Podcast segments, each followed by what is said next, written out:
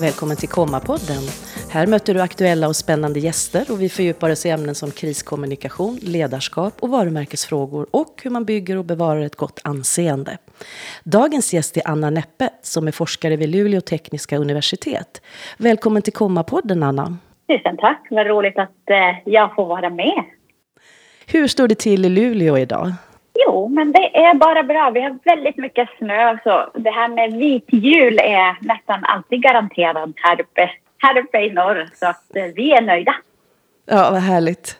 Du disputerade nyligen med avhandlingen Building Employer Brands, The Employee Perspective. Du har tittat på hur små och medelstora företag kan arbeta för att stärka sitt arbetsgivarvarumärke och det är spännande. Men innan vi kommer in på dina findings, ska du definiera employer branding?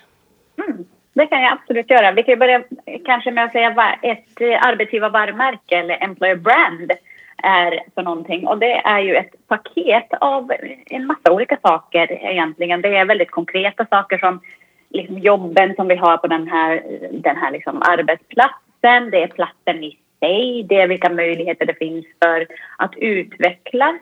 Det finns också en ekonomisk komponent såklart och det handlar inte enbart om, om lön Eh, men också andra fördelar som, som man kan ha, friskvård eller, eller annat sånt. Men också hur trygga anställningar vi har, eh, exempelvis. Och sen den svåra biten kan man kanske också säga, eh, det är ju det här, det här lite mjukare, värderingar. Det är de symboliska värden som ibland är ganska svåra att ta på. Eh, det är känslan i företaget, vilka vi är, vad är vår identitet, och, också det här, hur passar jag in egentligen i kulturen och på det här företaget? Så det är större än kulturen som man brukar prata om? Jo, men absolut. Och det är klart att kulturen är ju, är ju en väldigt viktig del, för det är ju väldigt, väldigt liksom, vad ska man säga, det som får oss att trivas. Eh, även om ibland arbetsuppgifterna kan vara lite tråkiga på på liksom en del, eller vi kan tycka det, liksom, men, just den här kulturen och känslan, den kan få oss att stanna, stanna på en arbetsplats. Um, så, och sen employer branding är ju då när vi faktiskt jobbar med att bygga en identitet, jobbar med att bygga strategier och ett varumärke uh, där ute, både mot, mot eh, potentiella medarbetare, så för att försöka rekrytera ny personal, men, men också internt, alltså mot våra interna kunder, våra nuvarande medarbetare. Så de ska man absolut inte glömma, glömma bort, vilket vi ibland kanske gör. ja, är, är det många som är osäkra på vad det är för någonting och av den anledningen inte jobbar med det? Mm. Det, det skulle jag säga att det ganska många, speciellt mindre och medelstora företag eh, som tänker att ja, men det här är något väldigt jobbigt och det är någonting som de här stora företagen jobba med för att det kostar kanske jättemycket pengar eller det kräver någonting av oss som inte vi har. Men eh, så behöver det absolut inte vara. Vi måste prata med dem. men vad är det och många mindre företag är egentligen superduktiga på det här. Det är bara att de kanske inte alltid kallar det för just employer branding men de tar väldigt bra hand om eh, sina medarbetare och, och det här löftet som man som man liksom har för vad det innebär att jobba hos oss. Och det kan i sin tur då ge en vägledning till hur man ska jobba med rekrytering och även hjälpa till att uppnå verksamhetsmålen. Absolut. Och just precis som du, som du säger, det här med målen och det stora övergripande liksom, som vi har, anledningen varför vi existerar. Det är klart, det är jätteviktigt, eh, viktigt också för employer branding, att man skapar en koppling mellan de sto stora strategier som vi har. Eh, men sen också liksom på ja, men hur jobbar vi, hur ska vi nå dit? Och det, där kan man ju ta, ta hjälp lite av, okej, okay, men hur hjälper vår kultur till att nå våra mål? Hur jobbar vi med våra värderingar för att nå våra, nå våra mål och, eh, och liksom skapa eh, bra strategier? Vi vet ju också att medarbetare som är nöjda, som gillar, som känner att ja, men, min arbetsgivare tänker på mig och tar hand om mig så brukar det också leda till bättre produktivitet eh, och speciellt i, i servicekontexten eh, liksom som jag också har tittat mycket på besöksnäring. Där är ju dessutom medarbetarna eh, den där länken mellan företaget och kunden och, och har jättemycket makt och, och en stor roll i att skapa nöjda kunder. Så att det, inte, eh, det finns en väldigt eh, viktig poäng där också att, att eh, det kommer att synas sen också på kontot så att säga. Hur får man bäst veta vad medarbetarna tycker, deras eh, ärliga åsikt? Jag tycker det är viktigt att man pratar med medarbetarna för att precis som med alla varumärken eh, så söker människor olika saker. Det är därför vi har väldigt många olika typer av varumärken. Om vi tänker sådana saker som, ja men jag ska köpa en bil exempelvis. Ja, men jag jämför olika typer av varumärken och ibland är det så här, nej, nej, det där kan jag absolut inte tänka mig att köra. Hur skulle det kännas att, att sätta sig bakom ratten på, på det här varumärket? Ehm, um, fast egentligen alla bilar ger ju oss lite grann samma fördelar, att kunna ta mig från A till B.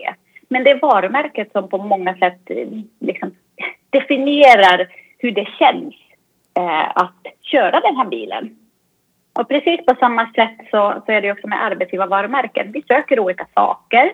Det är därför de här varumärken borde också vara lite annorlunda. Vad är det vi trycker på? Vad är det som är viktigt här? Och egentligen det enda sättet är ju att prata med sina egna medarbetare. Okej, okay, men vad, vad är det som gör att de tycker att det är roligt att jobba hos oss? Sen får man ju såklart också mycket indikationer genom, om har vi ett stort problem med att många lämnar? Eh, då kanske man inte riktigt eh, lyckas med det där varumärkeslöftet och, och se till att det faktiskt eh, är autentiskt och att det blir sanning.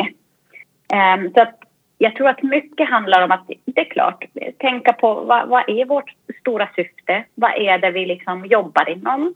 Vad är det för bransch? Kanske det finns liksom saker där också. Att, ja, men vi är kända för att eh, vara innovativa i, om vi är inom IT-branschen exempelvis. Men då kanske det är det vi också måste lyfta in i vårt egna varumärke. Men alltid eh, koppla liksom det här, vad är det, vad är det vi gör, våra stora eh, purpose och eh, mission och visioner som vi har och sen vad är det våra medarbetare tycker och tänker.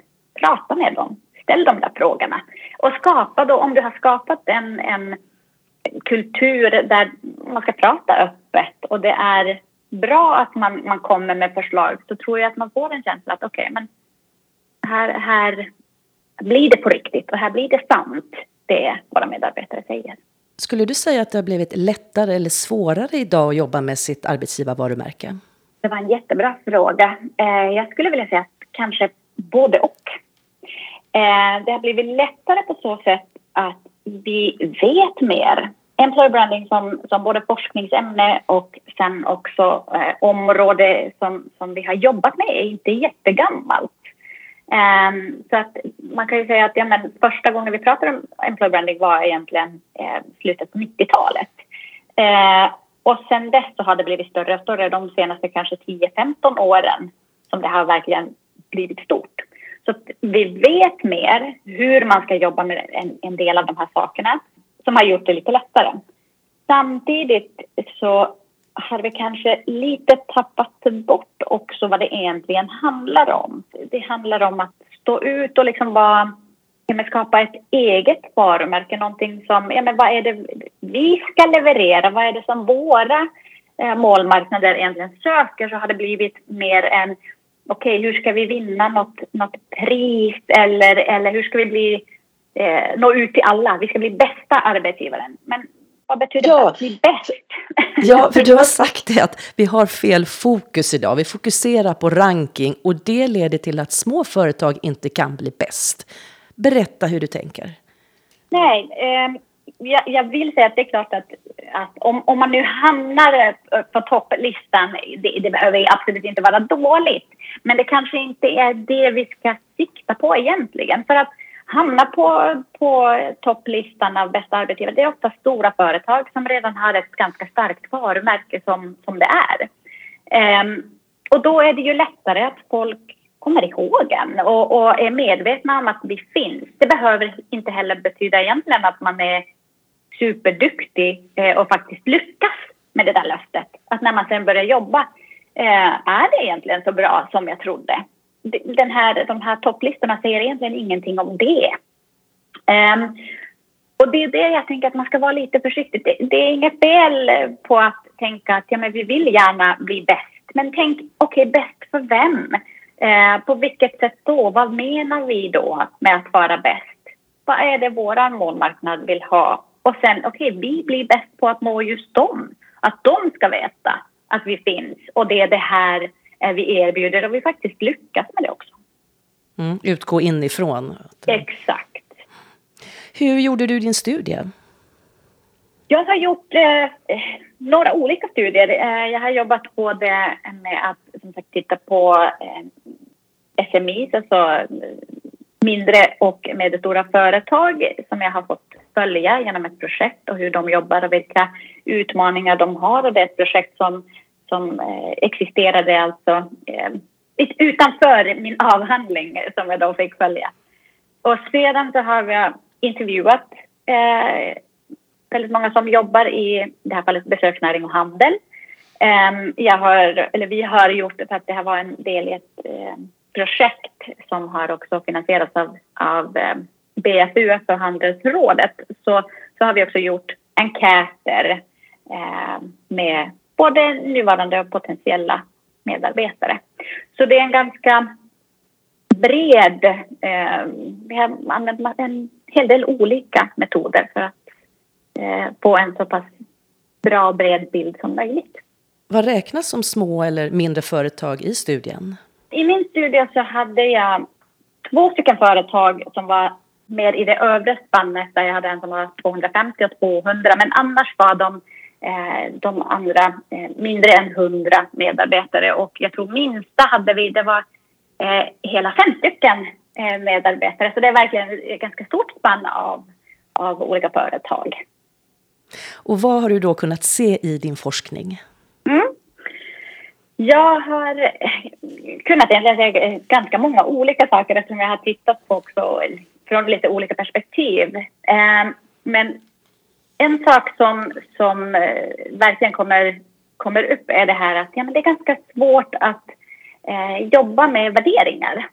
För värderingar, vi pratar jättemycket om att det är superviktigt och det är värderingar som, som får oss att liksom stå ut och det, det här är otroligt viktigt. Och vi vet faktiskt, eh, Randstad hade gjort eh, en studie nyss att Ehm, 18 procent som, de hade, som de hade frågat hade sagt att de skulle hellre vara arbetslösa än jobba på ett företag som inte liksom matchar deras värderingar.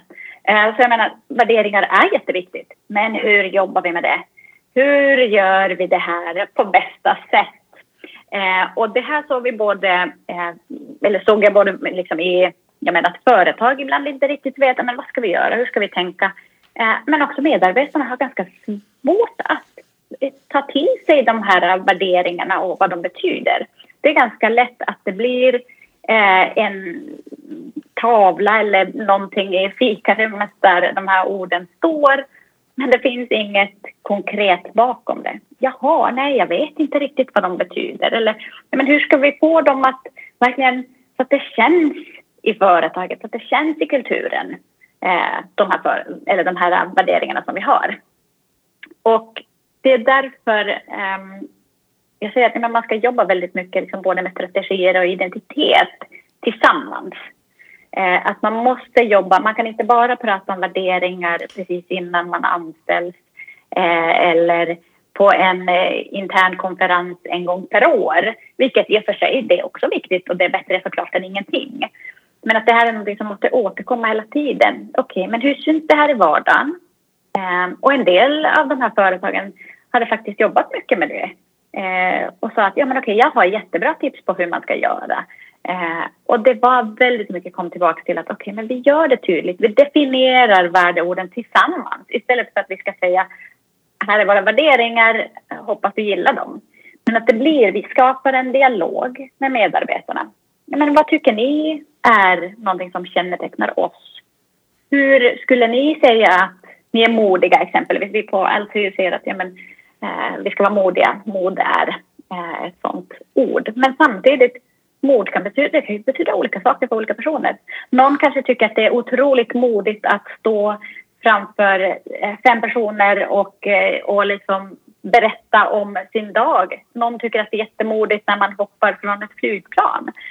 Någon kanske tycker att det är ganska modigt att vara med i någon podcast och berätta ja. om vad de har gjort. och det är därför det måste liksom göras ganska tydligt. Okej, okay, vi är modiga och det betyder att vi ska eh, våga söka pengar från olika finansiärer, exempelvis, om det nu är sånt som, som vi som universitet pratar om. Vi ska vara modiga med att eh, testa nya metoder när vi undervisar eh, och med våra studenter. Ja, men då blir det lite mer tydligt, ja men det är det här vi menar med att vara modig. Vad har du mer sett? Um, jag har också sett att um, det är inte alltid så jättelätt att veta vems bord det här hamnar på, om man säger så. Ganska ofta är det vi säger ja, men det är HR och marknadsföring. Rätt ofta blir det HR och då pratar vi ganska mycket liksom, ja, men såklart processer och så, men då tappar vi lite det här varumärkesfokus. Där, det, det är liksom en sån ganska konkret sak. Men vem ska äga den här frågan? Vem tycker du ska äga den? Ja, den som har tillräckligt med resurser. Eh, och det här är någonting som jag har också, jag har fått intervjua utanför min avhandling men, men som en del i min forskning. Jag har också fått intervjua väldigt många experter. Eh, och det är någonting som, som blir väldigt tydligt. Ja, men det spelar kanske inte alltid jättemycket roll vem det är, men det måste vara en person som sen har lite helikopterperspektiv och kan faktiskt inkludera alla bitar och alla delar och alla personer som är viktiga. Men en annan sak som jag har, eh, som jag har kommit fram till och det här är kanske min allra viktigaste eh, sak som jag, har, eh, som jag vill lyfta och det är att det är medarbetarna som också jobbar med employer branding. Varje dag i allting de gör. Delvis så är de ju en del av det interna som jag sa, den här kulturen, känslan hur det är att passa in. Så man är en, en liksom medlem eller av, av det här varumärket. Jag äger det här varumärket. Varje sak som jag gör i fikarummet eller hur jag agerar mot kunder eller så. Det är en del av att, ja, men vilka vi är, den här identiteten. Um, sen är det ju också så att vi rätt ofta pratar om hur det är att jobba på ett företag eller en organisation. Så vi tar faktiskt på oss marknadsföringshatten och är ambassadörer. Eh, förhoppningsvis säger vi goda saker och bra saker om, om arbetsgivaren. Eh, men det är klart, ibland är det ju också de dåliga sakerna. Så det blir viktigt att tänka på, okej, okay, eftersom våra medarbetare pratar om oss som företag och vi tenderar att berätta om dåliga saker mer än de goda sakerna också. Så det är viktigt att man kommer ihåg. Så att man ska veta och försöka guida ändå det här. Okej, okay, men om vi kan definiera tillsammans, det är det här vi står för, det är det här vi är och det är det här vi levererar, det här skapar vi värde, eh, både för våra kunder eh, men också internt. Då blir det ju lättare att man kanske pratar om de sakerna sen när man pratar med andra. Och att det blir tydligare, vad är det som gör oss lite, kanske inte unika, men det är det här som är vi. Nej, för unik har du sagt, det är inget bra begrepp att använda.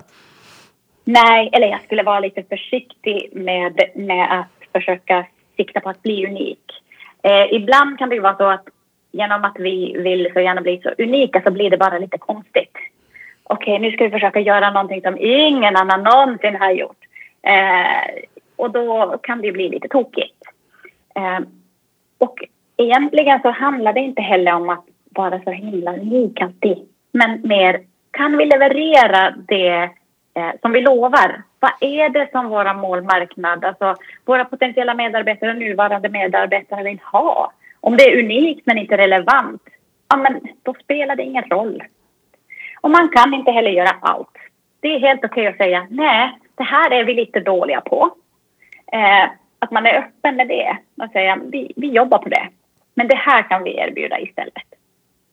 Vilka är de vanligaste misstagen som man gör när man börjar jobba med employer branding? Det, det är också en, en bra fråga. Jag, jag har inte fokuserat jättemycket på att hitta de vanligaste misstagen. Men om jag tänker på det jag har hört och alla jag har pratat med så för det första att man inte gör någonting för att det känns för jobbigt. Det är ett väldigt stort misstag för att alla företag har ett varumärke. Alla företag har, eller organisationer har eh, också liksom employer brand oavsett om man jobbar med det eller inte. Så det är viktigt att man faktiskt eh, tar liksom ä och äger den frågan och vet eh, vad som sägs delvis också, men, men jobbar med det. Så det är ett stort misstag. Och sen tänker jag att ett stort misstag är ju också att man, man jobbar med det uppifrån ner. Då blir det ganska sällan autentiskt. Och då blir det ju det här eh, löftet som vi gör kanske inte matchar egentligen det vi, den där känslan som vi har när man sen börjar jobba. För att det var någon som sa att ja, men jag, gick på en, jag lyssnade på en jätteduktig föreläsare eller tog in en konsult som berättade för oss att det här är, det här är vad ni ska göra och det här är hur, vad ni står för. Då blir det inte på riktigt. Ehm, så att jag skulle vara lite försiktig. Säger inte att man inte får använda konsulter men konsulterna ska helst såklart jobba med personalen eh, där. Så att bygga inifrån, det är liksom nyckeln här. Så, så misstaget är att inte börja därifrån. I tider av eh, omställning och osäkerhet, hur tycker du att företag ska resonera kring sitt arbetsgivarvarumärke då? Det är en otroligt stor och viktig fråga, speciellt eftersom jag har tittat mycket på besöksnäring. Och först hade vi pandemin och sen har vi räntor och det är mycket sånt som har påverkat såklart eh, efterfrågan på, eh, på, eh, i, i, den, i den branschen och sen som påverkar hur mycket arbete som finns. Så att det finns ju mycket osäkerhet. Ehm, jag tycker att det är viktigt att man är ödmjuk, såklart. Eh, att man vet att okej, okay, nu är det tuffa tider, vad är det vi kan göra? Att man är väldigt transparent eh, mot sina medarbetare. Eh, att man bygger också då varumärket kring det. Ja, men vi, vi informerar vad som händer så att ni förstår er roll eh, i det här stora och vad vi kan göra tillsammans. Och det är egentligen inte så jättemycket kanske alltid eh, just arbetsgivarvarumärket i sig men bara ja, men hur ska vi vara en bra arbetsgivare och berätta vad som händer där ute och, och vilka, eh, hur det här kan komma att påverka oss. Men absolut, tuffa tider, eh, hur man tar hand om sina medarbetare kommer definitivt att vara någonting som kan eh, påverka arbetsgivarvarumärket både internt men också hur andra ser på det vi gör.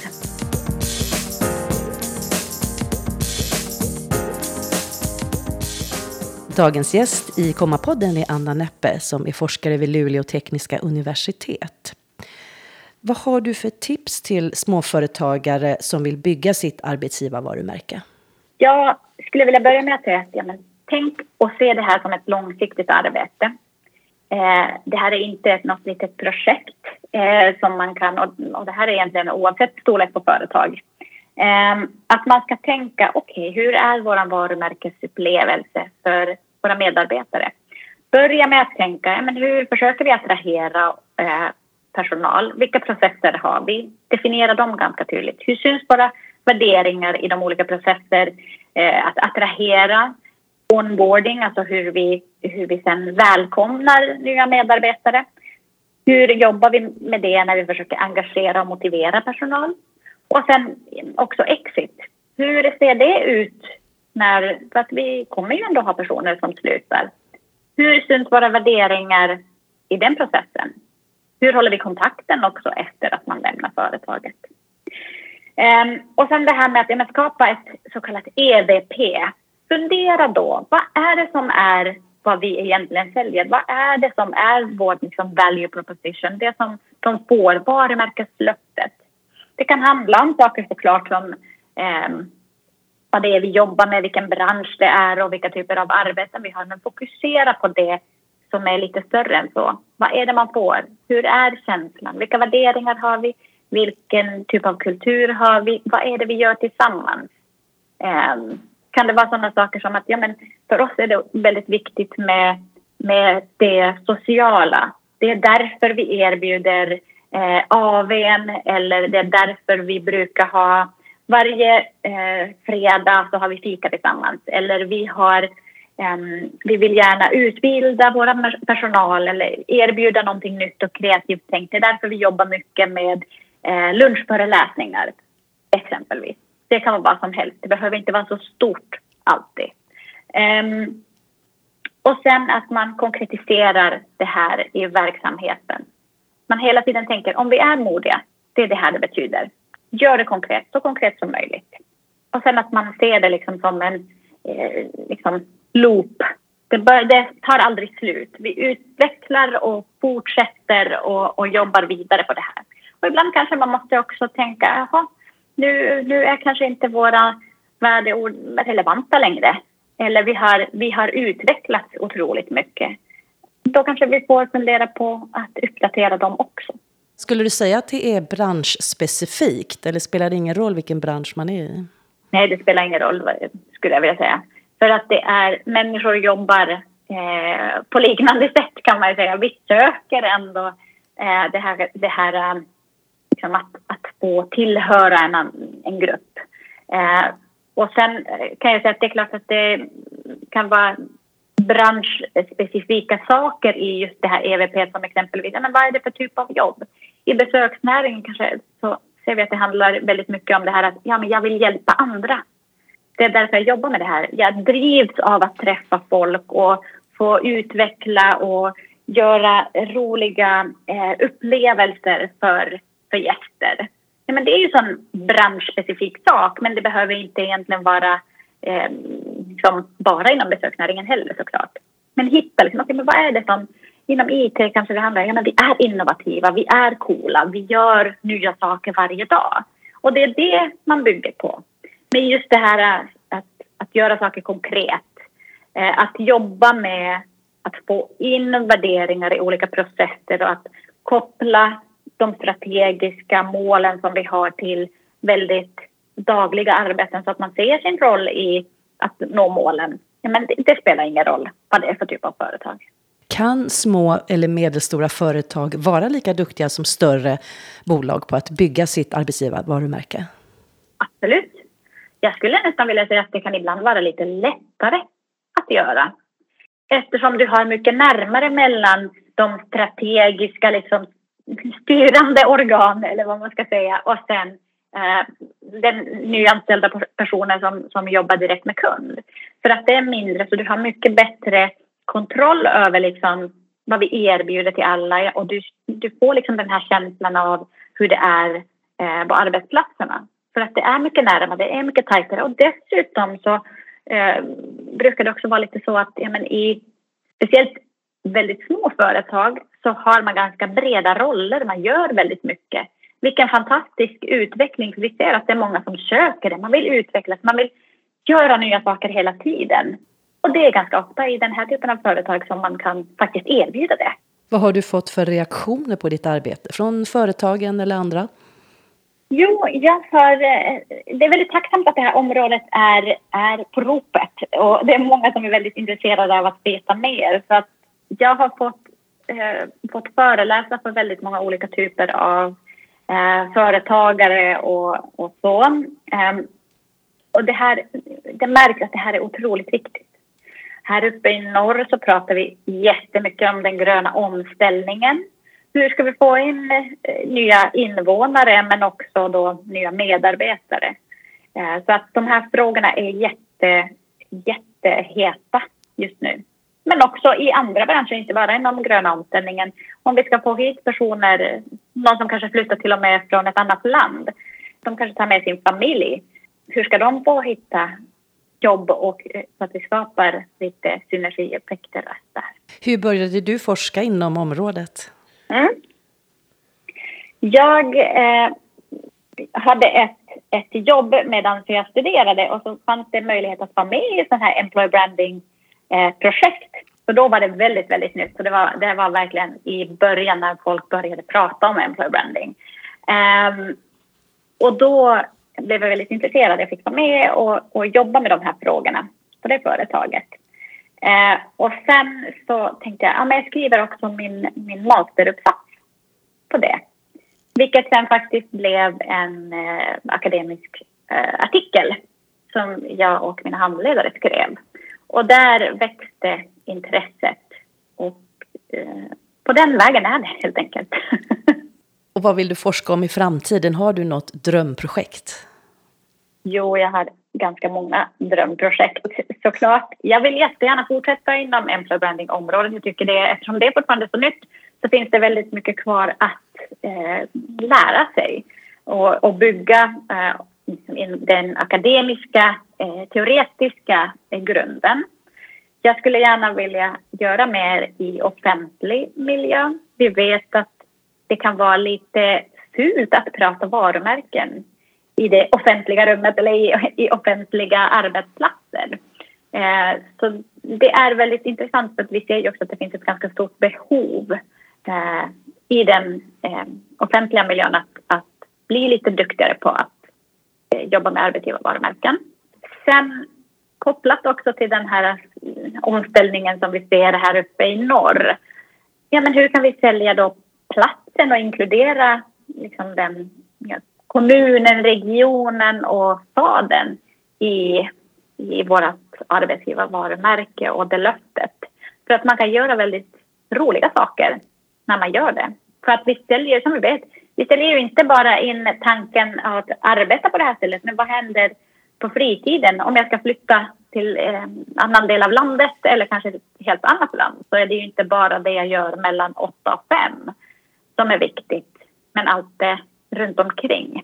Men tänker du place branding då? Place branding, exakt. Um, så hur jobbar vi med de sakerna tillsammans i just employer branding? Så den biten vore jätteintressant att titta mer på.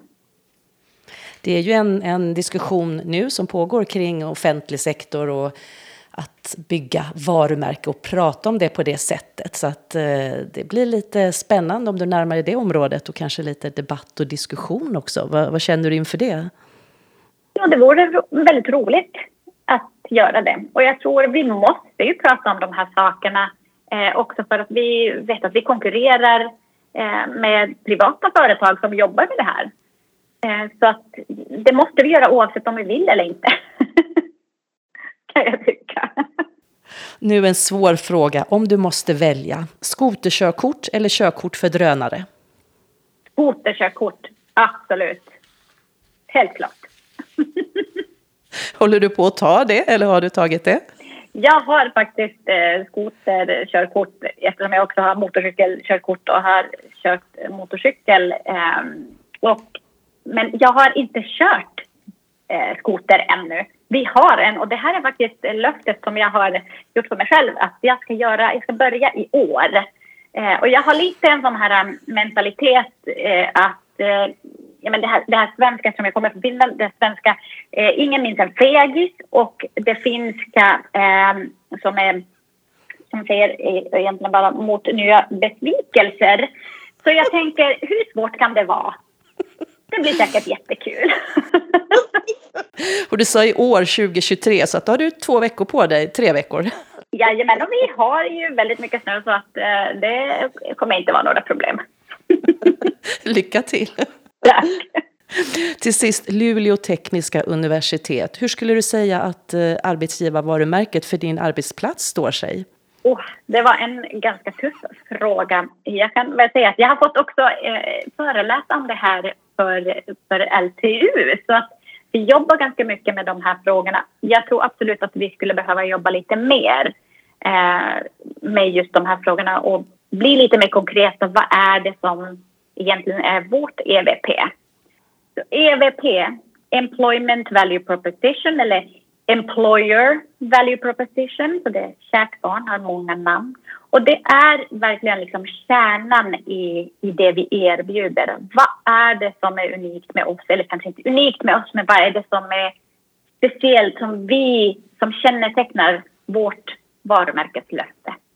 Eh, och det är en stor organisation, en väldigt stor organisation som dessutom inte finns enbart i Luleå, men där vi har Kiruna och Piteå och så. Så det, det är, är också en väldigt viktig fråga eh, som vi måste eh, bli lite duktiga, duktigare på att jobba med. Tack så mycket Anna Neppe, expert på Employer Branding och forskare vid Luleå tekniska universitet för att du gästade Komma-podden. Tusen tack, vad roligt! Jag som är programledare heter Merja Metell Suomalainen och du kan lyssna på alla avsnitt av Komma-podden direkt på Kommas hemsida eller där du vanligtvis hittar poddar.